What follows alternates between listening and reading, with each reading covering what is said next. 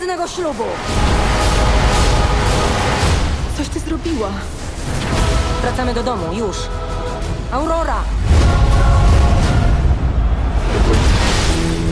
Diabolina jest zagrożeniem dla wszystkich. Będziemy cię chronić za wszelką cenę. Proszę, proszę. Na duże ekrany powraca ta kobieta, grana przez Angelinę Jolie. Czarownica Diabolina. I znów komplikuje życie Aurory, w której postać e, wciela się Elfanin. której teraz broni nie ojciec, a królowa Ingrid, grana przez Michelle Pfeiffer. To nowa postać w filmie. Nazwiska trzech aktorek przywołałyśmy na start naszego nowego podcastu Twój Weekend. A teraz nazwiska trzech redaktorek. Malwina Zaborowska, Agnieszka Friedrich, bardzo ciekawa Czarownicy 2. Katarzyna Sobiechowska-Szuchta. Na początek porozmawiamy właśnie o kinowej premierze drugiej Tak. części filmu zainspirowanego postacią znaną z disneyowskiej Śpiącej Królewny z 1000, uwaga, 959 roku.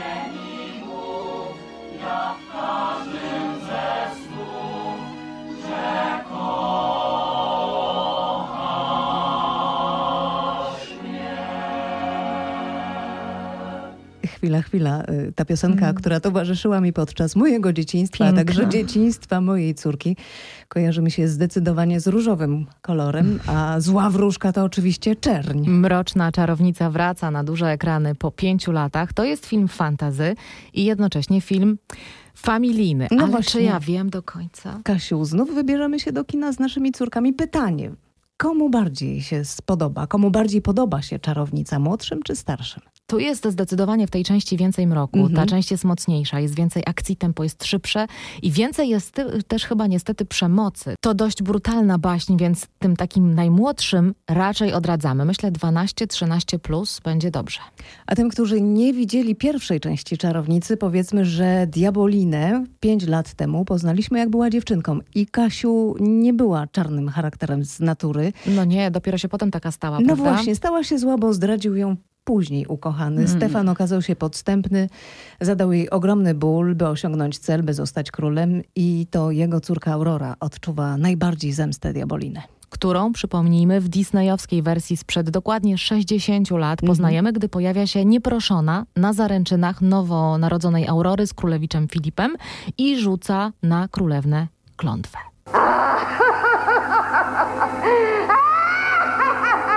Zaśmiała się zła wróżka 60 lat temu. W Czarownicy sprzed pięciu lat są też trzy dobre wróżki, jak pamiętacie, które pilnują, żeby Aurora nie dotknęła tego wrzeciona kołowrotka w 16 urodziny, bo wiemy, co się może wydarzyć. W Jasne. wersji po latach także widzimy, jak mimo wysiłków królewna rani się w palec i zasypia. Obudzić ją może oczywiście jedynie pocałunek prawdziwej miłości, którą poznała wcześniej.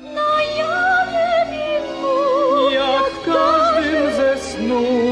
że kochasz mnie.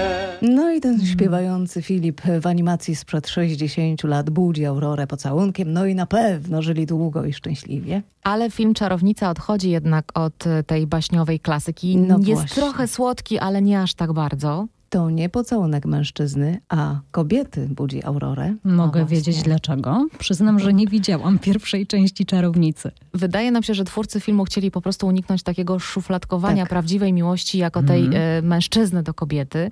I ten ważny pocałunek, e, bo chodzi o to, żeby wybudził nas ktoś, kto nas kocha. Tak, tak. Pięć lat temu złożyła na ustach Aurory właśnie Diabolina. Pięć lat temu sądziłem, że cię straciłem na zawsze. Nie ma takiej klątwy, która nas rozdzieli. Wyjdziesz za mnie? No i w drugiej części Czarownicy Aurora, jak słyszymy, ma wyjście za mąż. Za Filipa, który w pierwszej części nie zdołał jej obudzić pocałunkiem, Tak tak? Dokładnie tak. No. Diabolina znowu staje na drodze i znów wytacza działa. Ostrożności nigdy za wiele.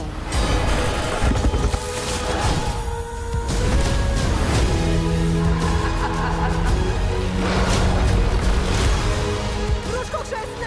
Nie jesteś taka. Ty jeszcze nie wiesz, jaka jestem. Jaka jest Diabolina? Możemy przekonać się w kinach ponownie. W roli Diaboliny, przypomnę, ponownie Angelina Jolie. Jak gra Tak. Kasiu?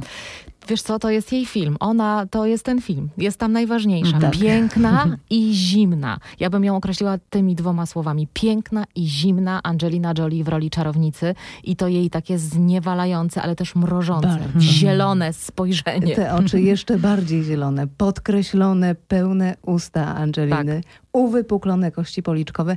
No i oczywiście znów rewelacyjna gra aktorska. Próbujesz pracować intensywniej i mówimy sobie, musimy dać coś lepszego, musimy dać im więcej zabawy, opowiadała o pracy na planie Czarownicy 2 Angelina Jolie.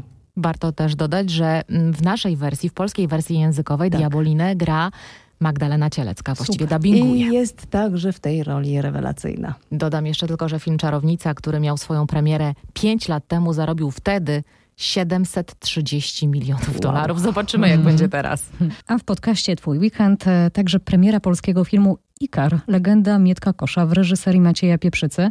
Inspirowana prawdziwymi wydarzeniami historia niewidomego geniusza fortepianu. W rolę jazzmana wciela się Dawid Ogrodnik, który za swoją kreację został nagrodzony Złotymi Lwami podczas festiwalu filmowego w Gdyni. I warto podkreślić, że Dawid Ogrodnik nie potrzebował do roli muzyka dublera, bo jest absolwentem liceum muzycznego i przed kamerą sam zagrał na fortepianie skomplikowane utwory. A robi to naprawdę koncertowo. Ścieżkę dźwiękową napisał wybitny jazzman Leszek Możdżer, też nagrodzony w Gdyni, on za muzykę. I był też konsultantem na planie, wszystko muzycznie rozplanował. Jak mówi mi Dawid Ogrodnik, kluczem dla niego przy tym filmowym projekcie był po prostu jazz. Ponieważ to była muzyka, w której ja się wychowywałem, którą hołbiłem i nadal jest to taki mój konik i, uwielbiam słuchać jazzu, więc zdecydowanie mm, spotkanie i możliwość współpracy z Leszkiem Możdżerem e, była jakaś taka nobilitująca dla mnie. To, że jesteś po szkole muzycznej na pewno bardzo pomogło. Sam mówiłeś, że bywało ci- ciężko, gdy Leszek Możdżer dostarczał kolejne muzyczne tematy, że tak powiem, do obrobienia. Na czym polega ta największa trudność? No, że nie jestem Leszkiem Możdżerem. To, to była największa trudność. No, jest to facet, którego ja podziwiam od e, właściwie od składu Miłość, jeszcze z Jackiem Olterem też, e, mówię też, no ale to też była tra tragiczna śmierć Jacka i od tamtego momentu gdzieś tak ta w ogóle historia Leszka Możdżera, zespołu Miłość, jakby była mi bardzo, bardzo bliska, więc ja tego człowieka podziwiałem od- do tej pory. Nadal go podziwiam, tylko nagle troszkę role się od, odwróciły. Nagle ktoś ode mnie oczekiwał, że ja będę grać tak, jak gra Leszek Możdżer, a jest to jednak o, osobowość no, wybitna na polskim rynku i nie tylko na polskim rynku, ale na światowym, w, światowej, w światowym jazzie, więc y, ja musiałem się gdzieś przekopywać do tego, żeby w jakimś stopniu oddać fenomen, nie tylko, nie tylko kompozycji Mieczysława Kosza, ale tego, co stworzył Leszek Możdżer. No i, no i to, było, no, to było karkołomne bardzo. Nie spodziewam się, że ludzie zaczną słuchać teraz jazzu masowo, ale że jest szansa, że ten człowiek zaistnieje dzięki waszemu filmowi i że kino ma taką moc, że przywraca nam ludzi, o których w ogóle istnieniu w ogóle nie wiedzieliśmy, jak fantastycznych ludzi tu mamy. To jest e, jedna z wielu ról kina i, i to już się dzieje. No, przywróciliśmy i, i, że tak powiem, przywróciliśmy na światło dzienne problem niepełnosprawności.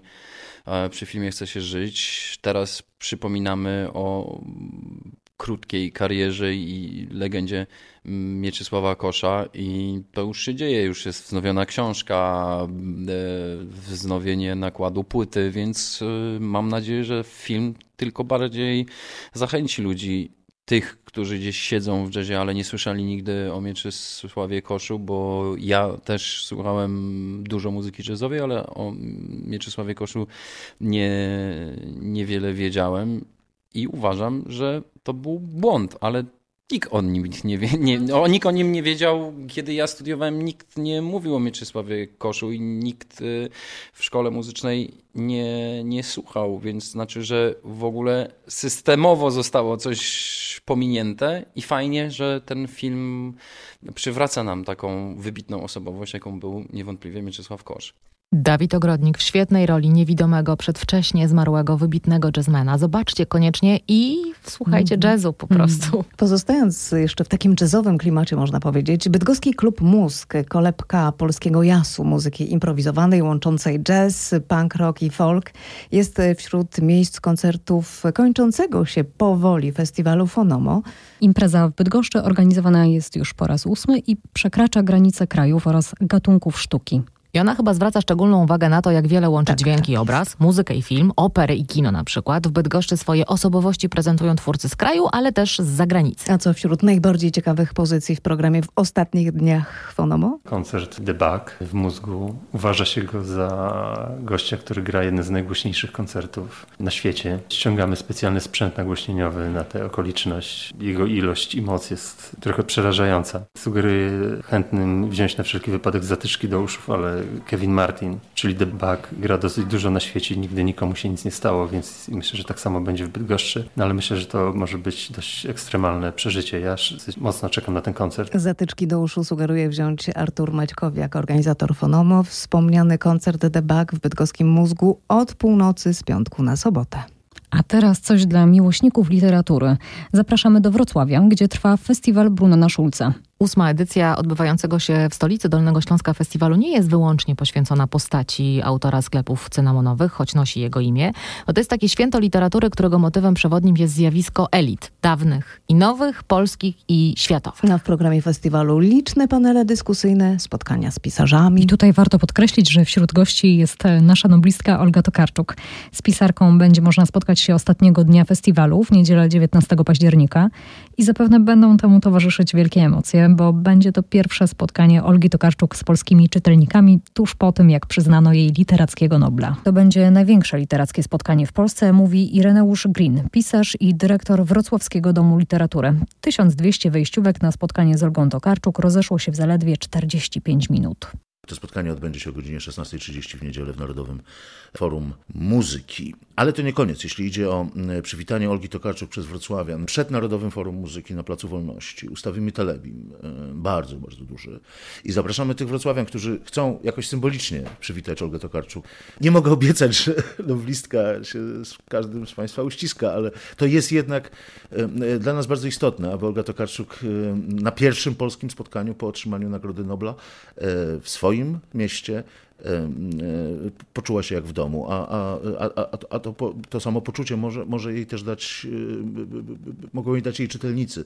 Bardzo szkoda, że nie będę mogła wybrać się na to spotkanie z Olgą Tokarczuk do Wrocławia. Ale jak domyślam się, Nobel Literacki dla niej y, bardzo cię ucieszył, podobnie jak nas wszystkich. Dokładnie, pewno. Do tej pory pamiętam swoje pierwsze spotkanie z prozą Olgi Tokarczuk. No już trochę lat temu była to Podróż ludzi księgi. No i to chyba debiutancka powieść Tokarczuk, prawda? Tak, tak. Taka trochę baśń dla dorosłych. Osadzona we Francji w XVII wieku i pamiętam, że bohaterowie tej książki udają się na poszukiwanie tytułowej księgi, którą rzekomo Bóg zostawił Adamowi. No brzmi jak powieść podróżnicza, ale jak to u Olgi Tokarczuk wiele tu jest e, filozoficznych rozważań, mistycyzmu, takiej magii, czegoś, co w literaturze się lubi albo nie. No Olga Tokarczuk mnie tym kupiła. Ja z kolei kocham biegunów, chociaż oczywiście e, książka, mm. której opowiadałaś, też czytałam. W dużym skrócie bieguni to jest taka świetna opowieść o świecie, w którym ludzie próbują uciec przed diabłem i bez ustanku wędrują. Wędrują, bo muszą muszą iść. Nigdzie się, mhm. nigdzie się nie zatrzymują, nie budują domów i nigdzie nie gromadzą dóbr właśnie po to, żeby ich szatan nie dopadł. No to ja mam pytanie. Co polecić waszym zdaniem komuś, kto jeszcze nie czytał nic autorstwa naszej noblistki? No, ja być może bym poleciła prowadź swój pług przez kości umarłych. To jest kryminał, oczywiście z elementami metafizyki, jak to u Olgi Tokarczuk, lektura, choć napisana bardzo pięknym językiem, jest e, bardzo przystępna. Powieść, dodajmy, zakranizowała dwa lata temu Agnieszka tak Holland. Pamiętamy jej pokot, tak. Mhm. Pokazywany na festiwalu w Berlinie. Ja bym poleciła zacząć od powieści chyba prawie i inne czasy. Niby to są zwyczajne historie, jednak niezwykłe. I też ostatnio wydane opowieści bizarne są z tak, kolei chyba najlżejsze, prawda? Takie najprzystępniejsze. Mhm. Bizar to tyle co dziwny, ale też śmieszny. To są krótkie formy. Mhm. Olga Tokarczuk, co ważne, i to warto podkreślić wszystkim y, tym, którzy słuchają naszego podcastu w ogóle się nie obraża, jeśli ktoś mówi, że nie czyta jej książek. Najważniejsze, żeby hmm. zaczął czytać. Jest naprawdę skromna, jest sympatyczna i wygląda na onieśmieloną nagrodę. Tak, pełna zgoda. A w naszym podcaście Twój Weekend e, podtrzymujemy temat książkowy. Tym razem powiemy o lekturze o północy w Czarnobylu. Jak zapewniają wydawcy, takiej książki jeszcze nie było. To nieznana historia największej katastrofy nuklearnej XX wieku. Autor Adam Higginbotham pracował nad książką 10 lat, zgromadził liczne zeznania świadków, dotarł do odtajnionych akt i niepublikowanych dotąd wspomnień. Autor skupia się na przebiegu tragedii, kulisach działań propagandowych ZSRR oraz skutkach wybuchu. Snuje przejmującą opowieść o heroizmie, desperacji i rozpaczy. Z autorem książki rozmawiał nasz dziennikarz Bogdan Zalewski. Posłuchajmy. Dlaczego wybrał pan tak trudny, apokaliptyczny temat? Od początku podszedłem do tego tematu e, jak to opowieści o poszczególnych ludziach, indywidualnych uczestnikach tego wydarzenia. Chodziło mi o ludzką, a nie apokaliptyczną opowieść. To od początku z pewnością było jasne już w wersji angielskiej. Chodziło mi o realne doświadczenia osób, które przeżyły to, co tam się stało.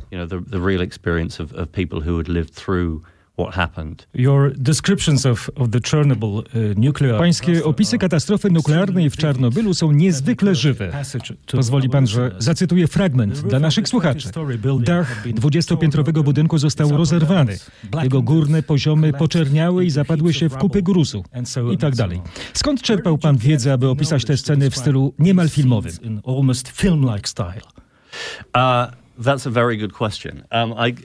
To bardzo dobre pytanie. Zebrałem ten materiał na podstawie niepisanych źródeł, z których najistotniejsze były rozmowy z ludźmi, którzy tam byli, którzy widzieli to na własne oczy.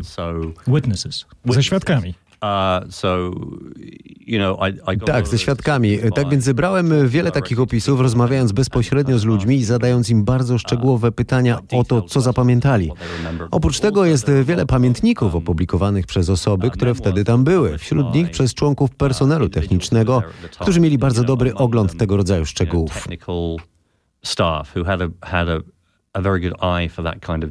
Opisałem, jak ludzkie życie krzyżuje się z technologią. To był jeden z aspektów, który od początku mnie wciągnął. of human beings and technology. So that was one of the aspects of the story that drew me to it in the first place. Innym aspektem jest przyroda na tamtym terenie. Czy chciał pan pokazać kontrast pomiędzy rajskim krajobrazem, okresami idylicznego życia, a opisami piekła? Miałem skojarzenia z Paradiso i Inferno w boskiej komedii Dantego. Paradiso and Inferno in Dante's Divine Comedy. Exactly. Um, to prawda. W wielu relacjach, które pojawiły się w oczywisty sposób w zachodniej Europie, w mediach po tym, co się stało w późnych latach 80. i wczesnych latach 90., koncentrowano się jedynie na katastroficznej i apokaliptycznej stronie wypadku. Tak naprawdę nie pokazano tła. Tła i kontekstu. Tak więc e, ja za cel postawiłem sobie ukazanie całego obrazu i jak wyglądało życie w Związku Sowieckim zanim doszło do wypadku, szczególnie w miastach takich jak Czarnobyl i Prypeć. Pisze pan nawet o takich szczegółach. Możliwość zrobienia zakupów stała się wielką niewiadomą. Ludzie chodzili z awoszką, siatkową torbą na sprawunki pod pachą na wszelki wypadek, gdyby właśnie rzucili jakiś przydatny towar. Czy to cukier, papier toaletowy, czy ratatouille w puszkach. Skąd pan się tego dowiedział? Kto panu o tym powiedział? To nie jest wiedza z książek, ale po prostu z życia.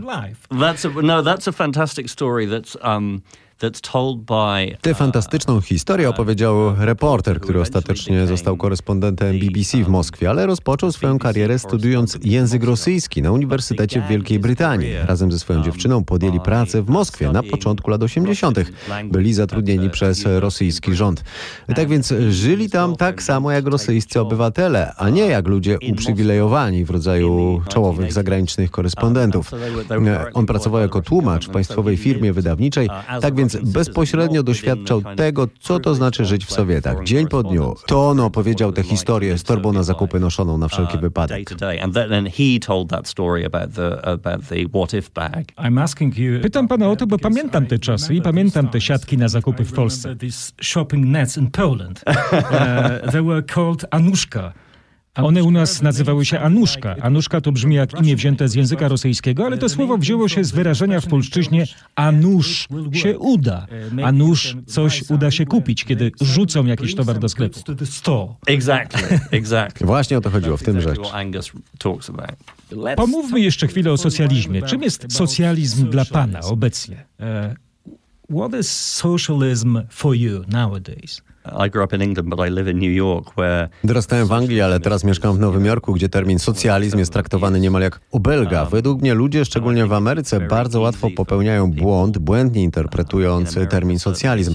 Sądzą, że sowiecki socjalizm, komunizm jest socjalizmem. Scentralizowana władza, państwo pod rządami jednej partii, totalitaryzm to nie jest to, o co w socjalizmie chodzi. Rząd ma rządzić w imieniu większości, a nie mniejszości. Polecamy książkę o północy w Czarnobylu. Temat największej katastrofy nuklearnej XX wieku odżył w ostatnim czasie po emisji miniserialu HBO. Czarnobyl e, został najlepiej ocenionym serialem w największej na świecie bazie filmowej, serwisie IMDb.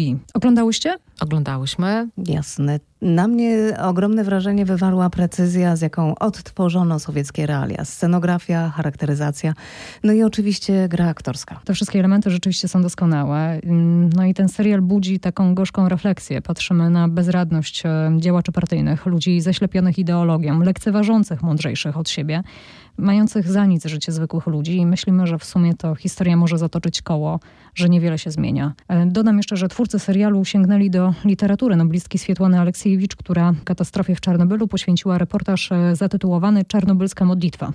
To jeden wielki zbiór relacji osób, które padły ofiarą katastrofy. Jeśli ktoś jeszcze nie czytał, a jest e, zainteresowany tematem, to gorąco polecamy. Było o literaturze, teraz czas na teatr. Zapraszamy do Krakowa, gdzie od piątku 18 października, dodam, na dyskach Teatru Ludowego, a dokładnie na scenie pod ratuszem, będzie można oglądać krakowską lekkość bytu. Pamiętacie nieznośną lekkość bytu Milana Pamiętam, Kundery? A mhm, tym razem to będzie taka muzyczna opowieść o czasach, w którym Kraków tętnił nocnym życiem. Opowieść o świecie, który, jak mówią twórcy tego spektaklu, powoli znika. Twórcy spektaklu Krakowska lekkość bytu w swoim muzycznym widowisku wracają do świata kawiarnianych dyskusji i nocnych klubów, z których przez lata słynął Kraków. Widzowie usłyszą ponad 20 piosenek autorstwa Michała Chludzińskiego, napisanych specjalnie na potrzeby przedstawienia. W zabawnych, groteskowych, a czasem też nostalgicznych utworach powrócą do czasów nocnego życia byłej stolicy. A całość reżyseruje Łukasz Czuj. Krakowska lekkość bytu to także opowieść o rozmaitych mitach i duchach e, Krakowa. Pojawiają się tutaj nawiązania w naszej historii i do poezji Marcina Świetlickiego, i do Macieja Maleńczuka, i gdzieś przemyka w tle duch Piotra Skrzyneckiego, gdzieś duchy z e, piwnicy pod baranami, grających fantastycznych e, kompozytorów z tamtej piwnicy. Są także oczywiście i motywy jazzu, i rock and rolla, taki wielki miszmasz, e, bardzo kolorowy e, motywów krakowskich. w piwnicy, bo w piwnicy już powierzchnia się nie liczy. Robimy spektakl w piwnicy scenie pod ratuszem, w miejscu bardzo szczególnym, w centrum Krakowa, pod płytą rynku. Gdzieś nieopodal znajduje się piwnica pod baranami, nieco dalej piwnica Krzysztofory, wiele tajemniczych, magicznych piwnic, w których przez całe lata e, spotykali się artyści, tworzyli e, swoje opowieści. I także tutaj u nas gdzieś te duchy dawnego Krakowa w tej piwnicy pod ratuszem będą nam na tą naszą scenę wyłazić, przypominać jak wyglądał niegdyś Kraków, ale też opowiadać o tym dzisiejszym, Wyłażące na scenę duchy. To może być naprawdę bardzo interesujący spektakl. Na. Na scenie zobaczymy sześcioro aktorów. Ryszarda Starostę, Tadeusza Omnickiego, Jana Nosala, a także Katarzynę Tlaukę, Roxanę Lewak i Martę Bizoń, z których każdy kreuje pewien określony typ bywalca krakowskich kawiarni. No a na koniec e, naszego podcastu zaostrzymy Wam apetyt i zaprosimy do Warszawy na Tisz, czyli festiwal żydowskiego jedzenia organizowany już po raz drugi przez Muzeum Polin. Tak jest. To będzie wspaniała okazja, by spróbować mało znanych dań, poznać tajniki gotowania na specjalnych warsztatach albo wziąć udział w spacerach szlakiem dawnych restauracji i bazarów.